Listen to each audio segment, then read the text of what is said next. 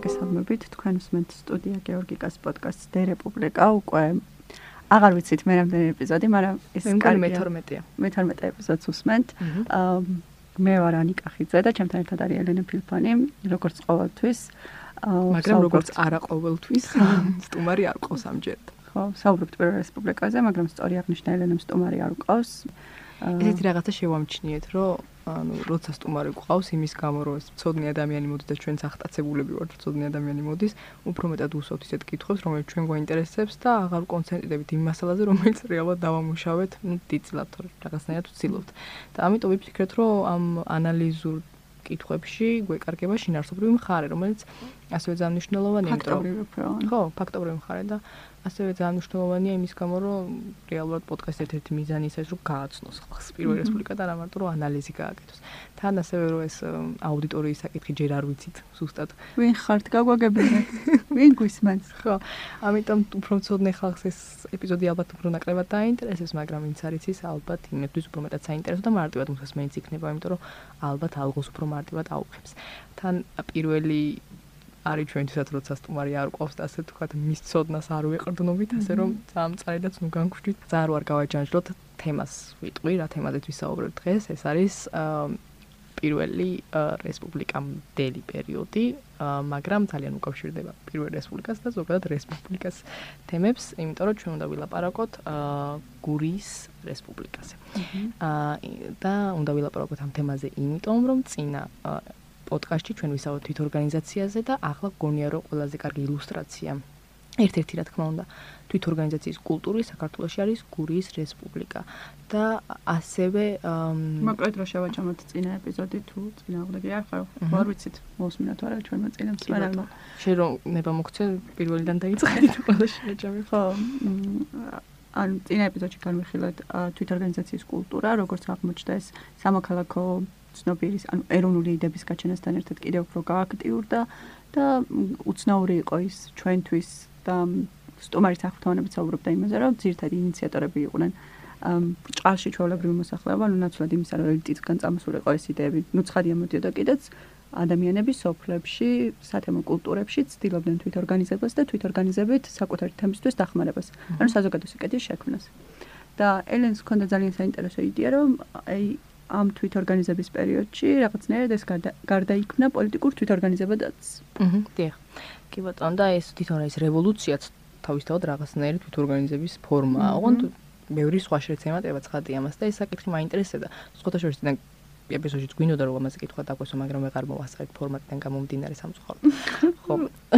ლაპარაკობს როგორც ჟურნალისტი. ხო, ხო, რა მქონდა ხო და აა რაც მაინტერესებს მე ჩვენ ამ კონკრეტულ შემთხვევაში ანუ პირველ რესპუბლიკაზე პირველ რესპუბლიკა რაღა იყო და გურიის რესპუბლიკაზე ასე თუ ისე ხალხმა მაინც იცის ნუ შეიძლება ყველა მასე არა მაგრამ ასე თუ ისე მაინც ლაპარაკობენ. ისეთ ერთ-ერთი ცნობილი შეიძლება ითქვას პაპსა თემაც არის ბევრი მიზის გამო იმიტომ რომ რაღაცა სახალისოც არის საინტერესო ცოტა გასაუცხარიც და რაღაც ასეთი და და მარტივია თან რომ მოახდინო რომანტიზება და თქვა აი შენ თქვი ეგ ფრაზა რაც კარგი ილუსტრაცია არის საფრანგეთის რევოლუცია და გურიის რევოლუცია. ხო აი გვერდზე იყვნენ ერთმანეთის მეგობრები ხო და აი მაგის გამო მართალია ცოტა ისეთი ნაცნობი თემა და ალბათ კარგი თემა იმთო ამ ნაცნობი თემით დაწყება მაგრამ ჩვენ აი ეს სხვა ინტერესი გვაქვს უფრო მეტად რაც არ ყოველ შემთხვევაში მე არ მინახიათ და რომ ამაზე აქცენტი იყოს გაკეთებული რომ აი ეს თვითორგანიზება თემი და ზოგადად ეს კავშირები ერთმანეთთან და ადამიანები აი ადამიანური ურთიერთობები როგორ გახდა განსაზღვრელი ფაქტორი გურიის რესპუბლიკა რომ შედგა და ნუ გასაგებია საბოლოოდ კრახით დასრულდა ეს პროექტიც მაგრამ ნუ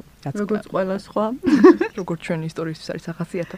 და აი უბრალოდ მე რაც ძალიან მომეწონა სუსუ თავიდან როცა ამ პერიოდის შესახებ წავიკითხე და როცა ეს გურიის რესპუბლიკის შესახებ გავიგე იყო რომ რა უცნაურია იქამდე რო არ მიფიქრია მაგაზე მაგრამ ნუ ფაქტი იყო რომ არ მიფიქრია. როგორ ადამიანიდან ადამიანზე იწყება ყველაფერი? ანუ ეს ერთ ჩოულებრივ ურთიერთობებს რამხელა ზეგავლენა აქვს დიდ შკალაზე ასე ვთქვა და ხანდახან გვავიწყდება ხოლმე და გონია რომ რაღაც უჩინარი ხელი მოქმედებს მართლა რაღაც ესეთი და აქ კიდე ძალიან კარგად ჩანს რომ აი ერთ სოფელში მეზობლები კავშირები, იმიტომ რომ ის იმის ბიჭი იყო და იცნობდნენ და რაღაც მასალები. კი, ზუსტად კურსელები. კურსელები და ეს ეგ ასევე კარგად ჩანს სემინარიის ამბავში და ამაზეც ამ დიდი ალბათობით ვილაპარაკეთ მომავალში.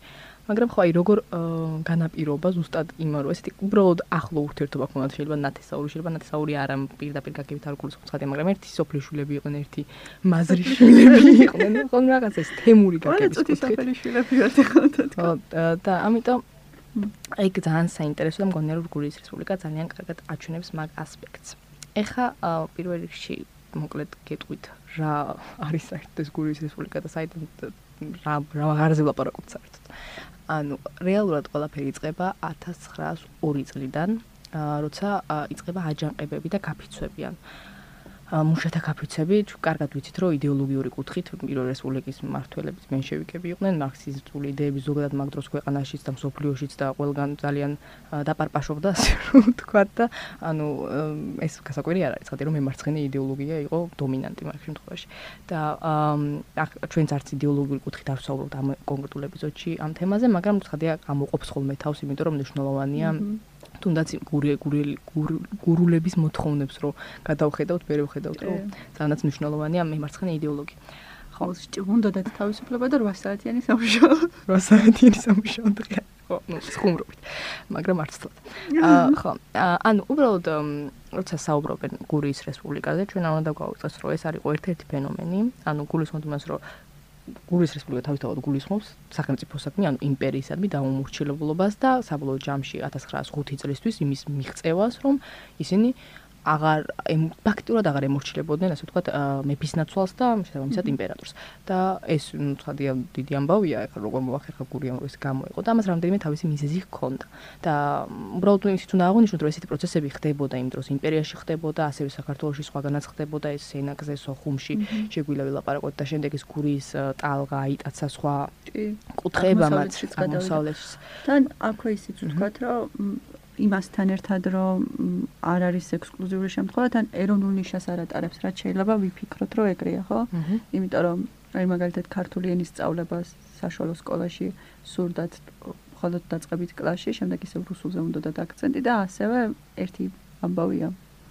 რომელიც შენც გაგიზიარე და გამოგიგზავნე, როცა ერთ-ერთი გლეხი ამბობს, რომ ცხადია ისე ურჩევნიათ, რომ რუსულ იმპერიაში იყვნენ, ოღონდ თავისუფლების უფრო მეტი სივრცე სჭირდებათ და გადასახადები, რომელიც ესე აწევთ, იმ გადასახადების შემოსუფლება სურთ. ხო, ამ გადასახადების ორ წამში ვიტყვით, უბრალოდ, ანუ ეს ასპექტი უბრალოდ ჩვენს წავიკითხეთ ჯერჯერობით ჩვენი ცოდნით, რაც არის ეს ესე ჩანს ყოველ შემთხვევაში და ხო, ანუ ორი მნიშვნელოვანი დაშვება გვაქვს, რაც სუნდა კონდეთ გონებაში, როცა მოგვისმენთ. ხო, რომ შეიძლება მე აზრი შევიცვალოთ, როცა უფრო მეტს ვიკითხეთ. მეორე არ იყო არ მახსოვს, მაგრამ რატომ დანის ახლა. ანუ ერთი ის, რომ ეროვნული ნიშა არ ქონდა. აა, არა, ეს გურის იმაზე კი მე და მეორე ნიშა ის, მეორე ამბავი ის, რომ ეს არა ქვია ექსკლუზიური შემთხვევა არა, მხოლოდ აქ არ ხდება. ანუ და კარგი მესამე დაშვებაც ვთქვათ, რომ მხოლოდ ჩვენი წოდით ლაპარაკობთ და სტომარი რო იქნება. ამას გადავამოწმოთ ამ ყველაფერს, ასე ვთქვათ, მაგრამ რეალურად მე და ანდრესაც ვცდილობთ არის, რომ ამ ყველაფრის კითხვისას რომანტიზება არ მოვახდინოთ ამ პერიოდის და რეალურად ამის გამო გვაქვს ეს დავშვებები უიმედ დეჟო მქონდა ახლა ესეთი სასწაული. ხო, მოკლედ გადავიდეთ დაუბრუნდით ისევ იმ თემას. რატომაც ავარჩიეთ გურიის რესპუბლიკა გარდა იმისა, რომ შედავით ნაცნობი არის ის, რომ იგივე სენაკისა თუ სოხუმის იქნებოდა რევოლუციები და რესპუბლიკები, ისინი არ უნებდნენ მომწიფებულები და ისეთივე მასშტაბურები, როგორც გურიისები და ასევე იმდენ დიდი კავშირი არ ჰქონდათ შემდეგ უკვე პირველი რესპუბლიკის მთავარ ხალხთან, ასე რომ ვთქვათ. და ამის გარდა ანი მახსენა ახლა გადასახადები და აი ახლა მოკლედ გვინდა რომ მოვიხოთ ეს ფაქტობრივი ინფორმაცია რა ამ განაპირობა გურიაში რატომ მოხდა საერთოდ რევოლუცია და უნდა დავიწყოთ იმ ალბათ იმ უნიკალური მახასიათებლების გამოკვეთა, რამაც ალბათ უბიძგა რომ კონკრეტულად აქ მოხდა ეს რევოლუცია და არა ვთქვათ სხვაგან და ასე პროდუქტიულად მოხდა აქ კონკრეტულად აქ. ერთ-ერთი მიზეზი რაც არის რომ ჯერ მოკლედ რომ ვთქვათ რომ ეს არის ვსაუბრობთ ოზურგეთის მაზრაზე, რომელიც არის აა გუთაისის გუბერნიაში შევიდა და ეს გუთაისის გუბერნიის ნაწილია, მაგრამ ოზურგეთის მაზრა, რომელსაც გურია, რეალურად ახლა ჩვენთვის არის გურია. აჰა. არ არის დიდი ზომით, არის პატარა. და ძალიან უკავშირდება ეს ყველი პროცესები ბატონყმობის გაუქმებასა და შემდეგ გლეხების მდგომარეობას, რა კანონებით დააწეს ის გაუქმების შემდეგ, რა როგორ უნდა მიიღო გლეხს მიწა, როგორ უნდა გამოესყიდა ეს მიწა და რა ურთიერთობა უნდა ყოფილიყო ეს საგადასახადო საკითხები და ასე შემდეგ. და ესეთი საკითხი იყო, რომ გურიაში იყო, ну, რაღაც მცირე ტერიტორია. აა, ბევრი მიწა არ იყო. ძალიან ცოტა მიწა იყო, ოჯახს რაც საკმარისი უნდა ქონოდა იმდენიც არ ქონდა ცხადია, მაგრამ ეს არ იყო მხოლოდ გლეხებში, იყო ასევე საშუალო დონის აზნაურებში ასეთივე პრობლემა იყო. ანუ მიწები არ ქონდათ, ქონება არ ქონდათ, მაგრამ არ ეს არ ნიშნავს იმას, რომ მაინდა-მაინც ძალიან გაღატაკებულები იყვნენ. ესეთი სიტუაციაც არ იყო. უბრალოდ პრობლემა იყო ზუსტად ეს, რომ მიწები არ იყვნენ, მიწები არ იყვნენ. მიწები არ ქონდათ და მუშაობდნენ სხვებისთვის, ასე ვიხდნენ დიდ გადასახადებს, რაც იყო წნეხი და ეს ეკონომიკური ფაქტორი. ქონდათ თუდი ზუსტად 1901-დან 1903 წლებში. ზოგადად იქამდე კაი მოსავლიანობა იყო სიმინდის კუთხით, მაგრამ შემდეგ რაღაცა კრიზისული პერიოდიც დადგა, ასე ვთქვათ. და თან ანუ აქ თქვათ ისიც რომ იაპონიის და რუსეთის ომია. და იაპონიის და რუსეთის ომის გამო ბევრი მამაკაცი ცხენები და მარცვლეული გააქვთ და დანაკლისია ამ ხრივ. უბრალოდ მამაკაცებს რაც უნდა გავითვალისწინოთ ეს ალბათ ყველა ომს ახასიათებს არის რომ მართალია ბევრი დანაკარგი იყო მაგრამ როცა დაბრუნდნენ ეს ადამიანები ჰქონდათ რაღაც სამხედრო ცოდნა. და ამ სამხედრო ცოდნას ვინც დაბრუნდა. ცოტანი, მაგრამ მაინც. ამ სამხედრო ცოდნა შემდეგ აჯანყებისთვისაც იყენებდნენ და სოციალურ ყაჩაღებზეც ალბათ მე ვიტყვით რამდენიმე სიტყვას. კი.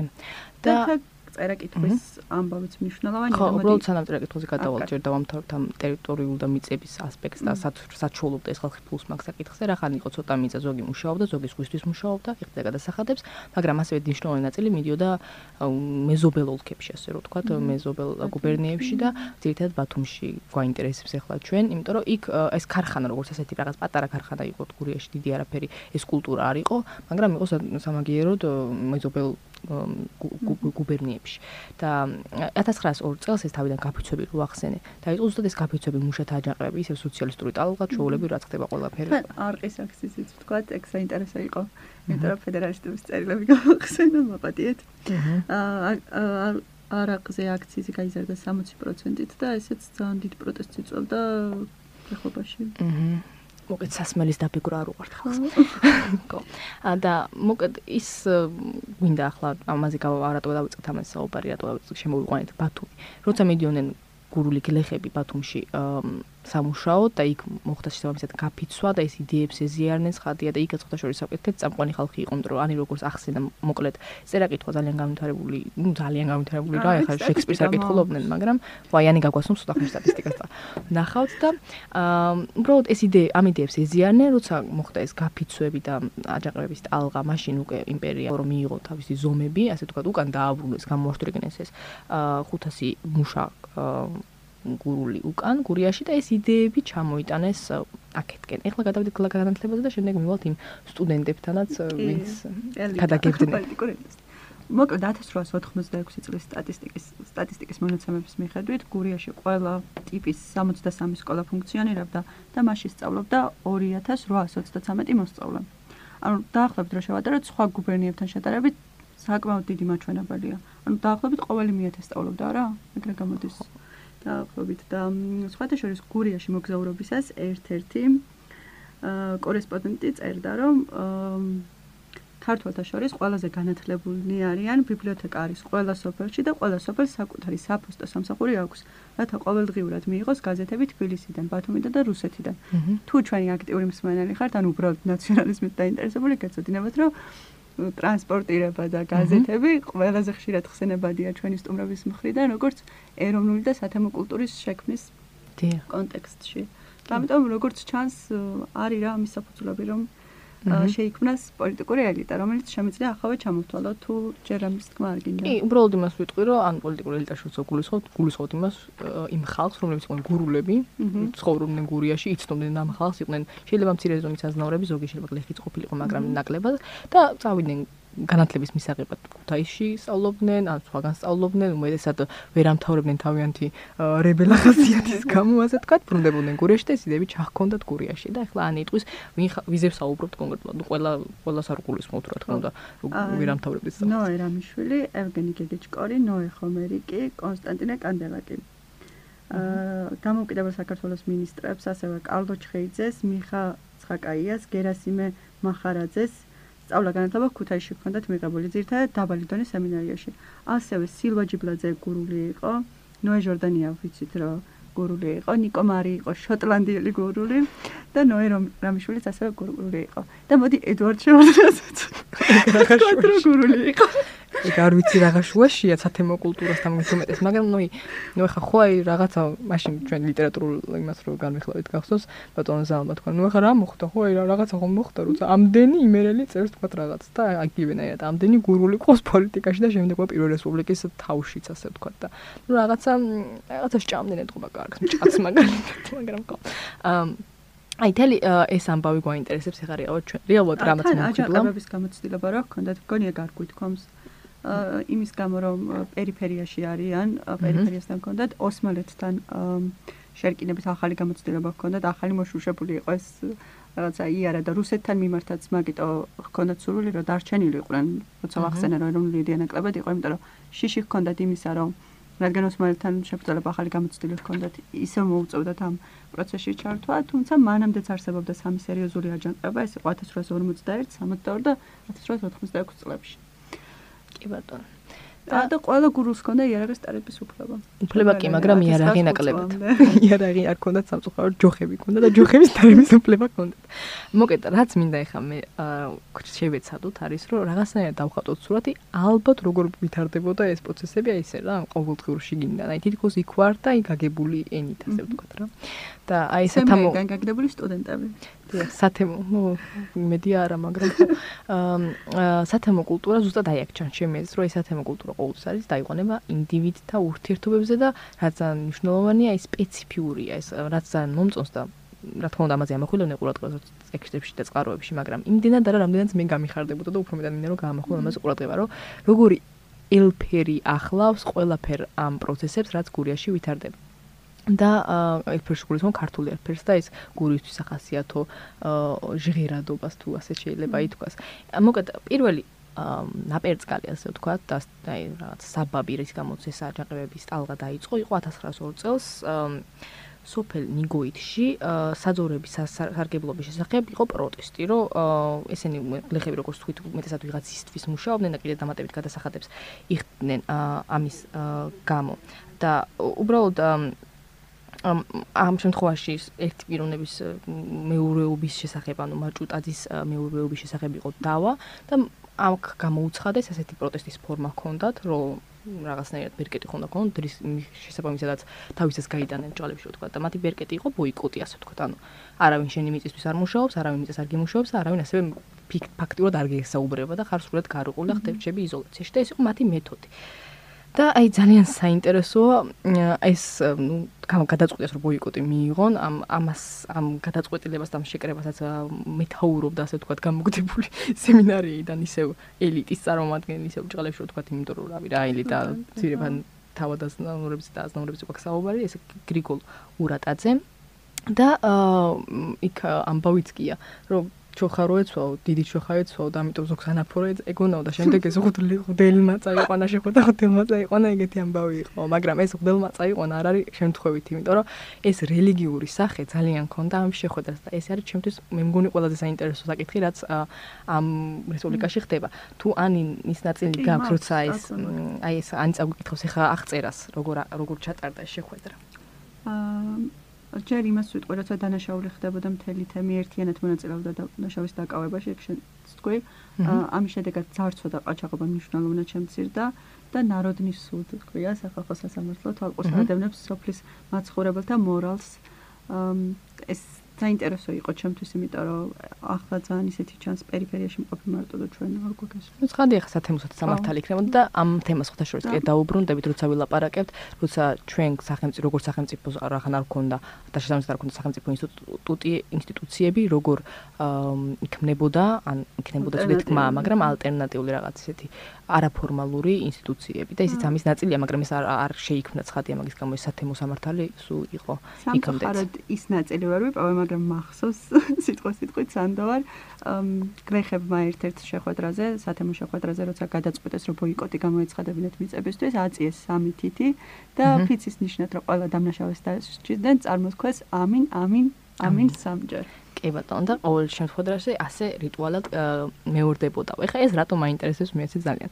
იმიტომ რომ აი რაღაცნაირად წმინდა სახით ჩანს როგორ გადავდივართ? ჩვეულებრივ, ანუ არა მოდერნული საზოგადოება და მოდერნულ საზოგადოებაში და რაღაც საოცარი კარგი საოცარი კარგი ილუსტრაცია, იმიტომ რომ ჩემს წარმოშობილებას სახვაში და გონებაში ასე ვალაგებ მე რამდენად სწორი ამას მე გავიგებთ ალბათ უფრო მეტად უფრო ცნობილი ხალხი ჩაირევა ამ ჩვენს გარჩევაში მაგრამ რაღაცნაირად ის არის რომ ან ფორმით ეს შეკრება არის სრულად მოდერნული რაღაცა სამოქალაქო უფლებებზე კონცენტრირებული და ანუ შინაარსით არის სრულად მითოსური. და ეს მითოსური შორის სიტყვა გამოიყენება ასევე წყაროებშიც. იმიტომ რომ ეს არის წმინდად რელიგიური ზოგს რაღაცნაირი ეს თან აი ეს მნიშვნელოვანი გავითვალისწინოთ ამ ხალხის რომლებიც ისმენენ ამ სემინარიიდან წამოსული სტუდენტების ჭყალებში გადაგებას რა რეაქციები აქვს? და ეს ძალიან კარგად ჩანს მათ კომენტარებში რომ აი სტუდენტობა დღესაც ხო ეგრეა ყოველას უნდა უნივერსიტეტში ჩააბაროს მაგის მაშინ რაღაცნაირი ფეტიში ასე თქვა მაგისთან წარმოიდგინეთ ხა მაშინ რა იქნებოდა და გურიაში ეს ეს მომენტი იყო რომ აი უნივერსიტეტში რომ ჩააბარო და კი ესტრაფოდნენ ამას. ხო ნუ ცხადია ცნაურია მაგრამ ნუ ესტრაფოდნენ ამას და ეს რაღაცად მიიჩნეოდა რომ აკადემიკოსი შვილი შეიძლება ასე არიან პობდნენ მაგრამ მე ხარ როგორ გამიგია რომ აი აკადემიკოსი შვილი იყოს რაღაც მასეთი და აი ლეგენდა დადიოდა რომ იმ შეკრებას ლონდონიდან ჩამოსული სტუდენტი მომენტი უზღვებოდაო რაღაცა ისრული მისტიფიკაცია არის ხა ცხადია თან ანუ შენ რო თქვი რომ ძალიან საინტერესო რამეა ზუსტად რომ ეს მოდერნულობა როგორ შემოდის და ციგნში სტივენ ჯონსის სოციალიზმი ქართულ ფერებში ძირითადი წყარო ეს არის ვისაც დაგაინტერესებს შეგიძლიათ ნახოთ. ავტორი წერს რომ გლეხები თანდათანობით უფრო ერკვეოდნენ რევოლუციურ ტერმინოლოგიაში, მალე მათ მოითხოვეს რომ მათ და მიმართვის ფორმა მოქალაქე გამხდარიყო.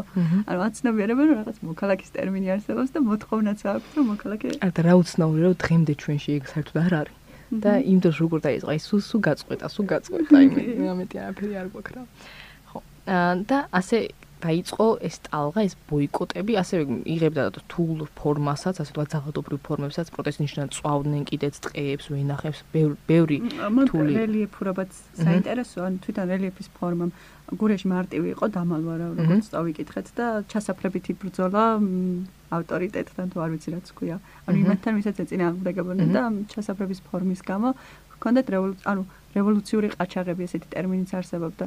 და თუ რაღაცნაირად უტრირებას მოვახდენთ ცოტა ამ ამბის, შეგვიძლია ვთქვათ, რომ პირველი სამოქალაქო პროტესტი, რომელიც ქცეული იყო ტერორიზმად ბრჭყალში გურიაში ჩება. არა, კი, იმიტომ რომ ამ სიტყვასაც ტერორიზმსაც იყენებენ, როცა ამ საუბრობენ აი გადაწვაზე ტყეების და იმის და ზან ზან ნუ ეს თავისთავად მე ლოგიკურიც არის, ამ მარტო ამის მაგალითსაც ხადია ვერ ვილაპარაკეთ, მაგრამ აჩვენებს, აი მე რატო ვითლდება საქართველოსში ამ ხელა პატივისცემა, ასე თქვა აბრაგების მიმართ და ეს ყაჩაღების მიმართ და რაღაცა ის და რომანტიზება რატო ხდება მაგას? კი, ეგ ესე მაგასაც კარგად აჩვენებს. იმასაც ვიტყვი რომ 1905 წლისთვის უბრალოდ ილუსტრაცია რო შეგვექნეს 1900 5 წლის დასაწყისისთვის ოზურგეთის მაზრის პოლიციის 8 ოფიცრიდან ერთი მოკლეს, ერთი დაიჭრა, ორი იქაურობას გაიცალა და 4-იც გადადგა. აჰა. ანუ ხო, რაღაც მოკეთ არეულობა იყო მარტივად ვთქვათ. ეხა ასევე უფრო მეტად განვავრცოთ რა იგულისხმება, როცა მომხრო სტუდენტები ქადაგებდნენ და ეს არის ძალიან საინტერესო. ჩვენ უკვე ვთქვით, რომ გაზეთებს ყველა კითხულობდა იმ გაგებით არა რომ მართლა ყველა იდგა და კითხულობდა უბრალოდ ვინც იცოდა კი წერა კითხვა ის დაждდებოდა და უკითხავდა ხალხს და ეს ალბათ კიდე უფრო კარგი იყო თემის და ის მიკუთვნებლობის განსის გასაღებებლად და ერთმანეთთან კავშირის ხათია და ერთი იდეის გარშემო შეკრის პირდაპირ ვიზუალური თვალსაზრისით ეგრეა ერთი იდეის გარშემო იგრებიან და აა ასევე რაც უნდა ვახსენოთ არის შეხვედრა რომელსაც ატარებდნენ და ეს შეხვედრები არის დებატობდნენ ამ საკითხებზე და მნიშვნელოვანი აქ უნდა შემოვიყვანოთ უფრო მეტი დოზით ახლა ალბათ სოციალ-დემოკრატები იმიტომ რომ მიუხედავად იმისა რომ თავიდან ცოტა სკეპტიკურად უყურებდნენ და აქ ისე იდეოლოგიური საკითხი არ ახლა მარქსს არ უთქვამს რომ გლეხები პროლეტარიატებთან არ მოდიოდნენ ასე ვთქვათ გლეხები არ იყვნენ ასე ვთქვათ ამ რევოლუციაში გათვალისწინებულები ძალიან მარტივად რო ვთქვათ. და ამიტომ თავიდან ცოტა სკეპტიკურად უყურებდნენ სოციალ-დემოკრატები აა გურის გლეხების აჯანყებას, მაგრამ შემდეგ ძალიან აქტიურად ჩაერთნენ და პრინციპში თავარი იდეოლოგი, ანუ იდეოლო როგორ არის ეს სიტყვა? იდეოლოგიის გამტარები არ ვიცი როგორც არის მოკეთ ისინი ანუ სადავეები იდეოლოგიურ სათავეები ხელში აიღეს თავი თვითონ და ამ ხრივ ნიშნულოვანია რომ აი ზუსტად ამ შეხვედრებზე გურული გლეხებით ზიარებოდნენ ამ იდეოლოგიას და ეს ძალიან მნიშვნელოვანი საკითხია, როცა ვილაპარაკებთ უშუალოდ მენშევიზმის და ბოლშევიზმის გამოჩენაზე, უბრალოდ დღეს ამას ჩვენ არ შევეხებით, იმიტომ რომ დღეს ცოტა სხვა კუთხით გვაინტერესებს ეს თემები, მაგრამ მომავალშიც დაიმახსოვრეთ ასე ვთქვათ.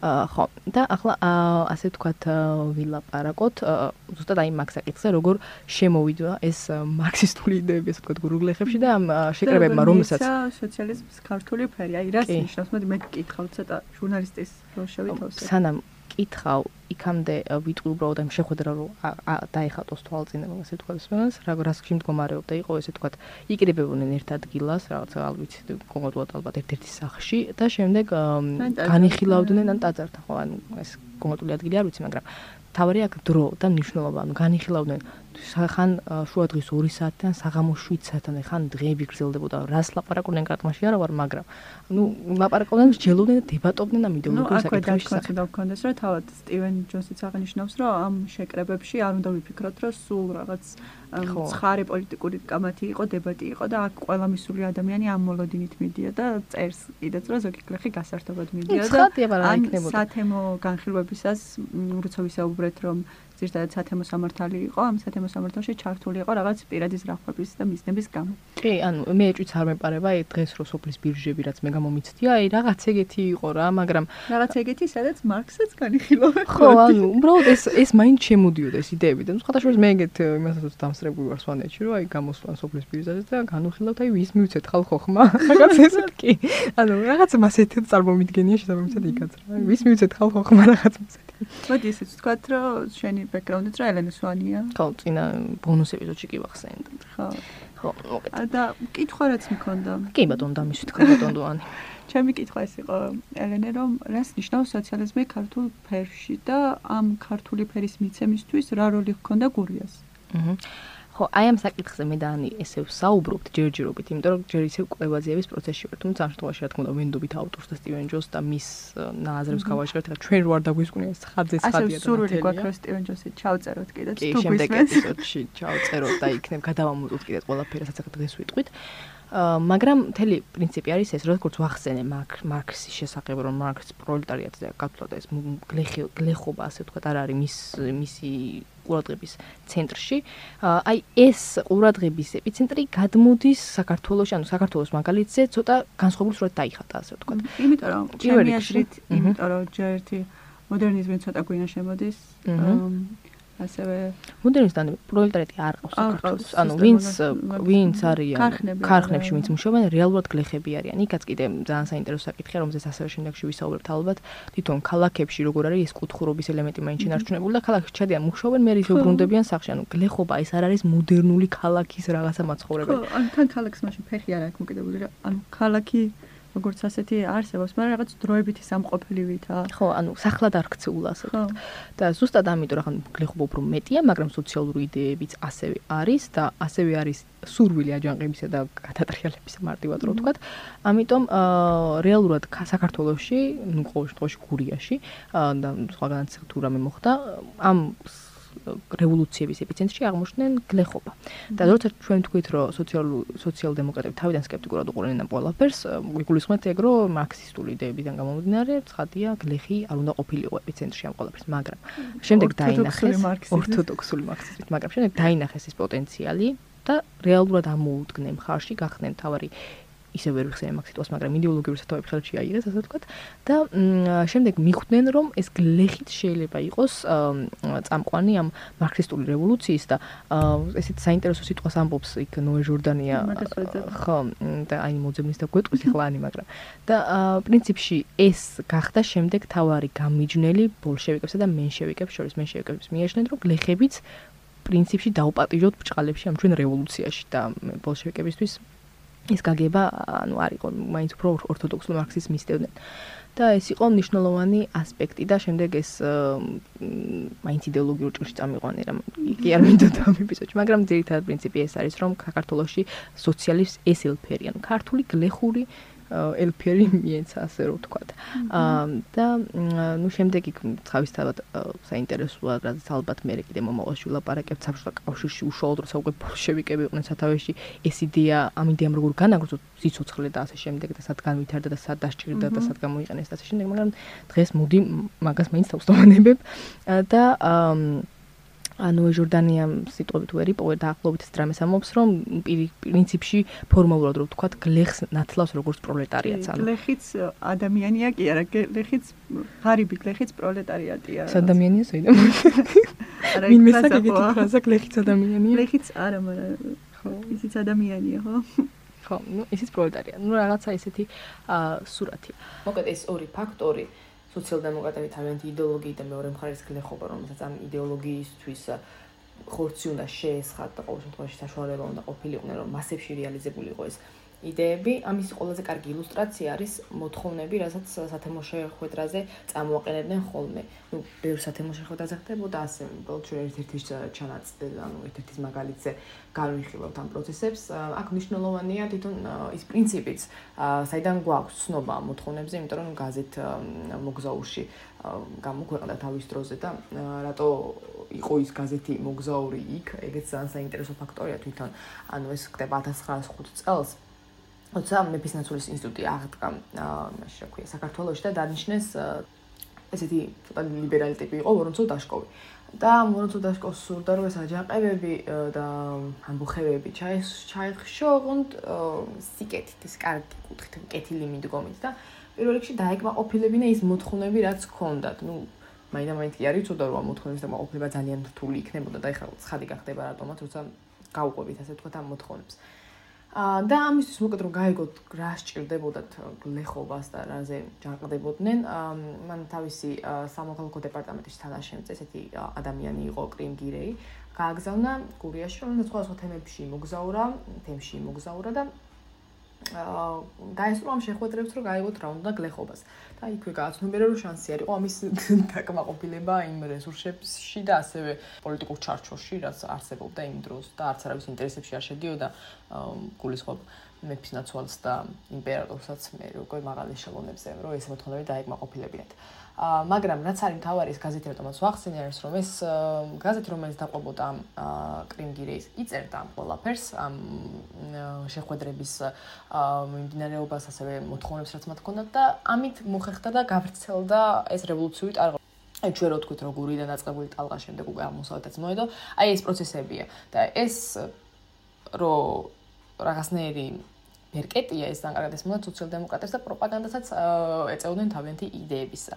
და აი 15 პუნქტიანი მოთხოვნები ჰქონდათ ასე ვთქვათ ჯვარცმის თემში სახელები აქვს გადასარევი ეს თავიდან პირველი შეხვედრა რომელიც ზეც ვახსენე და ის სამი თითი როა წიეს ეგ იყო მიქელ გაბრიელის თემი იყო ხო მგონი ასე ერქვა და რაღაცა სასწავლის სახელები აქვს აა ხო და ეს მოთხოვნები შინასწორად შეგედა ყო ორნაირად რა. პირველი 6 პუნქტი არის ეკონომიკური კუთხით რომ გლეხებს დაუბრუნდეს უსამართლოდ მოკლებული ფული. დროებით ვალდებული გლეხები თავიანთი ნაკვეთების შენარჩუნებით ყოველგვარი შემდგომი გადასახადის გარეშე განთავისუფლდნენ. ეს დროებითი ვალდებულება რა არის? როცა გლეხები განთავისუფლდნენ და პროტოკოლა გადავარდა. აა მაინც დარჩა რაღაცა უნდა გადაი რაღაც თანხა უნდა გადაიხადათ გლეხებს რომ ის მიწა გამოესყიდათ რომელსაც ამუშავებდნენ და საცხადე ეხლა ეს ძალიან დიდი ზარალი იყო. შემდეგი არის რომ ხაზინას მიეცეს თავისი მიწა მოხდეს ეკლესიის სახაზინოს და მსხვილი მემამულეების მიწის კომპენსაცია, აქაც მაგათაც გადასახადეს უხდნენ და მხრივ არ აწყობდათ. შემოუღებული იქნეს პროგრესული გადასახადი ნულოვანი გადასახადით, მათთვის ვისი წლიური შემოსავალი 5000 მანეზე ნაკლები იყო და გაუქმდეს ფარული გადასახადები და ტარიფები. აი, პირველი 6 პუნქტი ძალიან ამ ეკონომიკურ საკითხებს ეხება, რაც ერთ-ერთი ფაქტორი იყო, როგორც განვიხილეთ აჯანყების დაწყებისას, მაგრამ აი ამის შემდეგ მოდის ისეთი მოთხოვნები, რომლებიც არის პირველ რიგში ერთი პირველი რასაც ფიქრებ არის რომ აი გურიის ტერიტორიაზე და მარტო უზურგეთის მაზრის ტერიტორიაზე რა მასშტაბია ეხლა რომ აი ეს მოთხოვნები კონდეთ და მე ვერც ხადია რომ ეს მარტო გლეხობა ამას შანსი არ არის არ დაწერდა და არც მოფიქრდებოდა და ურევია ეს პროპაგანდისტული ხელი რაც ცუდი კუთხით არ მოხდია სოციალ-დემოკრატებისა. ეს პირველი არის რომ ეკლესია და სახელმწიფო განცალკევდეს ოკეი. რაღაც ეგეთი. არსებობდეს უფასო სავალდებულო განათლება 16 წლის ასაკამდე. არსებობდეს სიტყვის, ბეჭდის შეკრების თავისუფლება და გაფიცვის უფლება. ანუ ჩაოლებრი რაღაცა კონსტიტუციური მოთხოვნებია და რაღაც ისეთი იდეებია, რომელზეც დღესაც გჭირდება პრინციპში რომ ვილაპარაკოთ. პიროვნებისა და ოჯახის ხელშეუხებლობა აუცილებელია. გაუქმდეს ქვეყნის შიდა სატრანსპორტო სისტემა. ეს ძალიან საინტერესოა ეს აი დაგეგმარების კუთხით არის ძალიან საინტერესო, რასაც გვინდა რომ მომავალში კიდე ვილაპარაკოთ. გაუქმდეს რეგულარული ჯარი. აქ სასაცილო არის თანამედროვის კონტექსტში, მაგრამ მაგას არ გულისხმობს ხადია. სასამართლო ადმინისტრაციის წარმომადგენლები ხალხის წინაშე უნდა იყვნენ პასუხისგებელი, დაბრუნების ნება დაერთოთ ადმინისტრაციულ გადასახლებაში მყოფ პირებს და მე-15 არის რომ მოწეული იქნეს დამფუძნებელი კრება. ანუ პრინციპში ეს ბოლო 7 თუ 8 სწორედ 8 პუნქტი, როგორი სახელმწიფოებრივი დონის მოთხოვნებია გადასარევად ჩანს.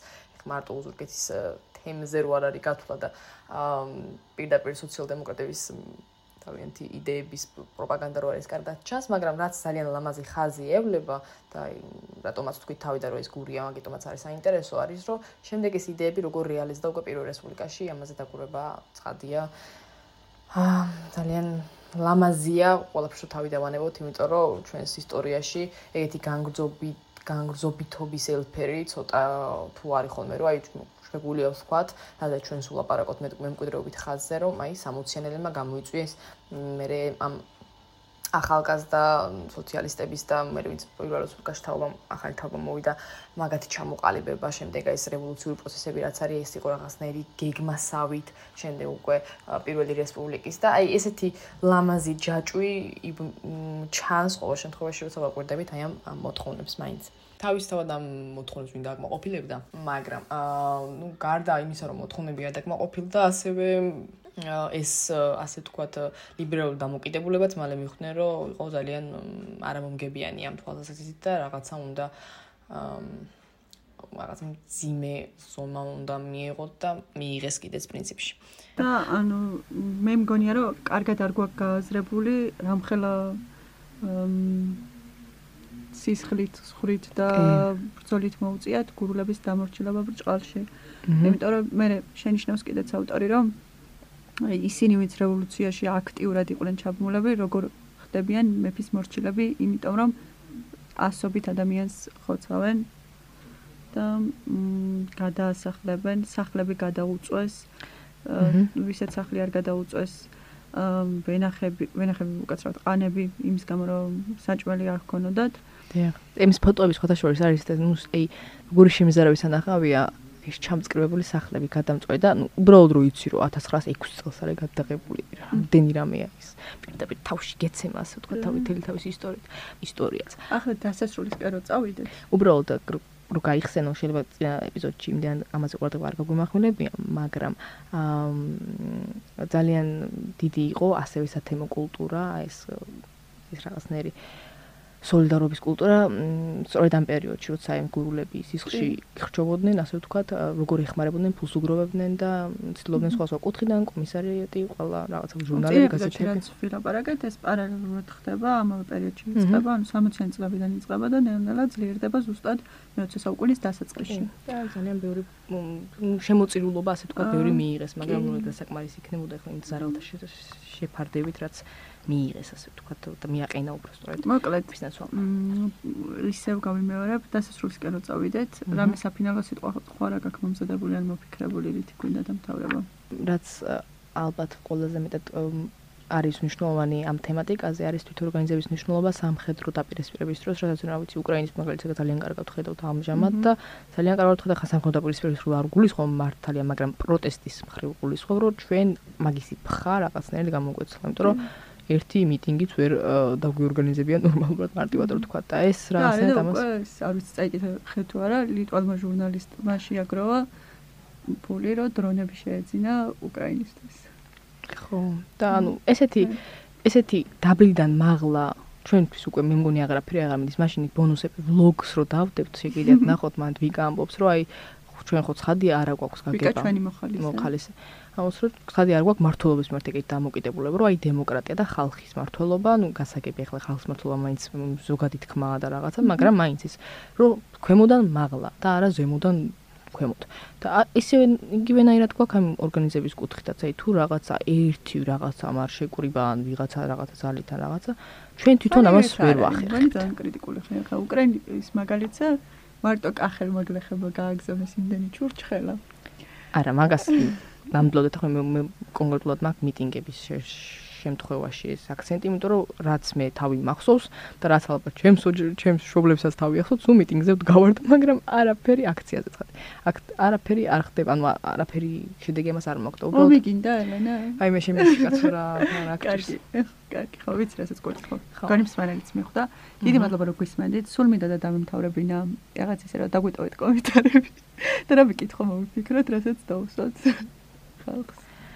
მე პირველ რიგში რაც მაინტერესებს არის რომ ანუ თუ გახსენდებათ რაღაც თქვენი ადგილებიდან, სოფლებიდან, ასე ვთქვათ, ეგეთი სათემო კულტურის მაგალითები. იმიტომ რომ მე მგონი რომ ბევრია, ეხლა სხვანაირად იმდენს ჩამოვხდი მეტი რო არ შეიძლება და დარწმუნება ყველა სხვასაც იქნება. ძალიან საინტერესო იქნება ამის განხილვა და ამის ამაზე დაკვირვება ალბათ, რომ აი რატო არის, რატო ხდება ესე, რატო აორგანიზებენ ხალხს. თუნდაც აი ის მაგალითად ჩემ ერთის ჩემს მაგალითად მოგყვან სვანჩი, რომ აი ქელეხი იმართება და დარწმუნება ბევრ სოფელში არის ესე, თელი სოფელი ჩართულია, ყველა რაღაცა საქმეს აკეთებს და ყველა რაღაცას რაღაც თავს როს თამაშობ და საბოლოო ჯამში გამოდის ქელეხი, რომელზეც ერთი ადამიანი ვერც ვერ გაკეთებდა თქვა, ხო? ესეთი ან გადასხურავია იმერეთში თქვენ თან ეცადა. ხო, რაღაც ეგეთ რაღაც. უცნაური სახლისეულში წერია, სახელი გვარი ხანხას ვინ მიიტანს და აი ეგეთი რაღაცები. იმიტომ რომ ეგეთ რაღაცების მიმართ ჩვენ რაღაცა скеპტიკური თვალი გვაქვს ახალთაობას, ესე მგონია რომ რაღაცა არ გვემოდერნულება და ცხადია ეგ მოდერნული არ არის, მაგრამ საინტერესოა მაინც რატო არის დღემდე შემორჩენილი და რა ფუნქციას ასრულებს იქ, რასაც არის და რატო ცოცხლობს დღემდე. და აი ამის განხილვა კომენტარებში შემიძლია ძალიან საინტერესო იქნება ამ კომენტარების კითხვა. თუ იმე დაგვიწერთ არ ვიცით. კი. გითხარით რამდენად მოგეწონთ ეს ეპიზოდი, რომელი უფრო ჯობია? ალბათ რა თქმა უნდა ინტერვიუ უფრო ჯობია, იმიტომ რომ ჩვენი კომპეტენცია და ასე შემდეგ. გითხარით რა გამოვასწოროთ ამ ეპიზოდის მოსმენის შემდეგ და გამოგწერეთ ვლოგს უყურეთ მე ძალიან ბევრი ვიწვალე მაგის ჩაწერაზე და ძალიან დიდი მადლობა რომ გისმენთ და ძალიან დიდი სტიმული ხართ რომ ეს ყველაფერი ვაკეთოთ და ღამები არ გვეძინოს ამის გამო. ხო მოკლედ. კარგი რომ გისმენთ მადლობა. თქვენ უსმენთ სტუდია გეორგიკას პოდკასტ და რესპუბლიკას ერენესთან და ანისთან ერთად დაუბრუნდებით შემდეგ ეპიზოდში უკვე სტუმართან ერთად და გავაგზავნებთ პირველ რესპუბლიკაზე საუბარს. Thank you.